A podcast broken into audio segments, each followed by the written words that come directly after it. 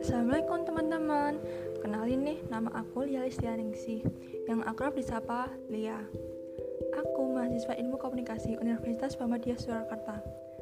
Pada podcast kali ini Aku mau menjelaskan tentang manajemen media televisi Yang aku review langsung dari buku manajemen media masa Yang ditulis oleh Fajar Junaidi. Tanpa basa-basi lagi Yuk langsung aja ke pembahasannya Perkembangan media penyiaran di Indonesia pasca reformasi sangatlah pesat.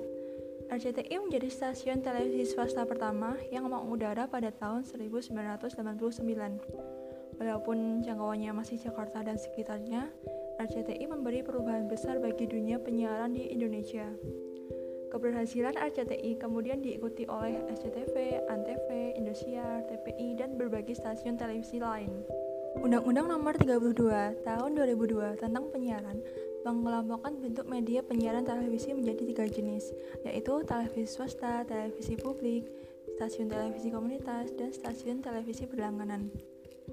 Keberhasilan dan kegagalan dalam bisnis penyiaran sangat bergantung pada manajemen dalam media penyiaran. Keberhasilan yang dimaksud bukan semata-mata karena penonton yang banyak dan rating yang tinggi. Kualitas program acara dan kualitas siaran harus dijaga setiap waktu. Manajemen ini melibatkan berbagai pihak. Di layar televisi, khalayak hanya melihat presenter, reporter, artis, dan orang-orang penting yang menjadi narasumber dalam program acara. Presenter dan reporter adalah bagian kecil dari manajemen dalam siaran televisi. Dari sisi bisnis, perkembangan dunia pertelevisian di Indonesia telah mendatangkan iklan dalam jumlah besar. Televisi menjadi media utama bagi para pengiklan untuk melakukan penempatan iklan. Perkembangan teknologi yang kian pesat dalam era digital harus dibarengi dengan kualitas manajemen stasiun televisi yang dikelola secara profesional dengan menggunakan prinsip manajemen modern yang disesuaikan dengan perkembangan teknologi. Demikian juga dengan perkembangan teknologi digital juga harus diiringi dengan peningkatan kualitas sumber daya manusia di stasiun televisi. Televisi dipimpin oleh manajer yang disebut sebagai manajer umum atau general manager. Pimpinan tertinggi dalam instansi media televisi ini sekaligus menjabat sebagai ketua dewan direksi. Anggota dewan direksi meliputi beberapa direktur yang memimpin berbagai divisi dalam stasiun televisi. Dewan direksi inilah yang memiliki tanggung jawab untuk mengelola manajemen penyiaran dari stasiun televisi yang juga meliputi aspek bisnis dalam industri penyiaran. Tugas dari pimpinan tertinggi dalam manajemen di stasiun televisi meliputi beberapa tugas. Yang pertama yaitu manajemen harus mengkoordinasikan berbagai program acara yang ada di stasiun televisi tersebut. Ini termasuk kemampuan manajemen untuk memonitor program acara. Kedua, manajemen harus dapat mengarahkan program acara yang ditayangkan. Program acara yang ditayangkan adalah program yang diminati oleh pemasang iklan. Ketiga, manajemen harus mampu memberikan arahan kepada seluruh karyawan agar mampu melakukan kerjasama antar berbagai divisi yang ada. Secara struktural, tidak ada standar baku dalam manajemen stasiun televisi. Lalu, secara umum, stasiun televisi dalam struktur manajemennya terdiri dari beberapa divisi di mana masing-masing dipimpin oleh seorang direktur atau manajer.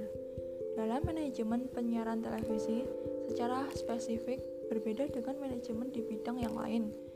Jika mendapatkan sumber daya siap pakai dari stasiun televisi lain yang lebih dulu mapan, stasiun televisi baru dapat mengambil karyawan dari media massa lain, seperti profesional di manajemen radio dan media cetak. Ada empat fungsi dasar dalam struktur organisasi media penyiaran televisi, yaitu teknik, program, pemasaran, dan administrasi. Bagian teknik mengembang tanggung jawab dalam menjaga kelancaran siaran, bertugas merawat peralatan yang ada agar selalu prima ketika digunakan untuk produksi program televisi. Bagian teknik dipimpin oleh kepala teknik. Ia harus mampu mengkoordinasikan dan mengontrol para stafnya di bagian teknik. Selanjutnya, bagian program siaran. Bagian ini mengemban tugas untuk menyuguhkan program siaran acara bagi khalayak. Untuk itu, bagian ini harus mampu melakukan penataan program siaran agar sesuai dengan kalayak. Kegiatan penataan program ini disebut sebagai programming. Setiap stasiun televisi memiliki program acara yang banyak. Untuk mencukupi kebutuhan program acara, stasiun televisi dapat melakukan berbagai cara. Yang yaitu cara pertama adalah dengan memproduksi acara sendiri dan cara kedua dengan membeli dari pihak lain. Selanjutnya, divisi pemasaran dan penjualan program televisi atau sales marketing Tugasnya untuk menjual program-program yang dimiliki stasiun televisi pada pengiklan. Bagian ini menjadi vital bagi stasiun televisi swasta yang membutuhkan pendapatan dari iklan untuk menjamin keberlangsungan siarannya.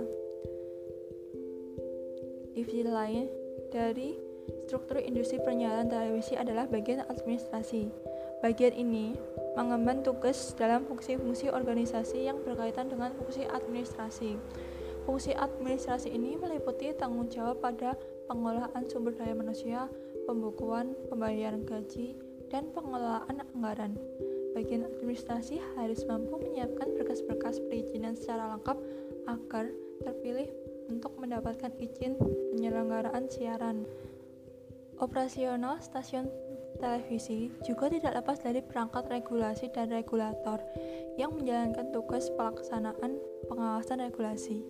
Undang-Undang Nomor 32 Tahun 2002 tentang penyiaran dan pedoman perilaku penyiaran, saran program siaran atau PPP SPS adalah dua regulasi yang wajib ditaati oleh stasiun televisi. Persaingan antar stasiun televisi yang semakin ketat kerap kali menjadikan stasiun televisi harus berlomba-lomba menampilkan program yang menarik. Adanya potensi terhadap pelanggaran regulasi Ketika stasiun televisi mendapat teguran KPI karena dianggap melanggar regulasi, maka bagian yang administrasi yang bertugas melakukan klarifikasi ke KPI.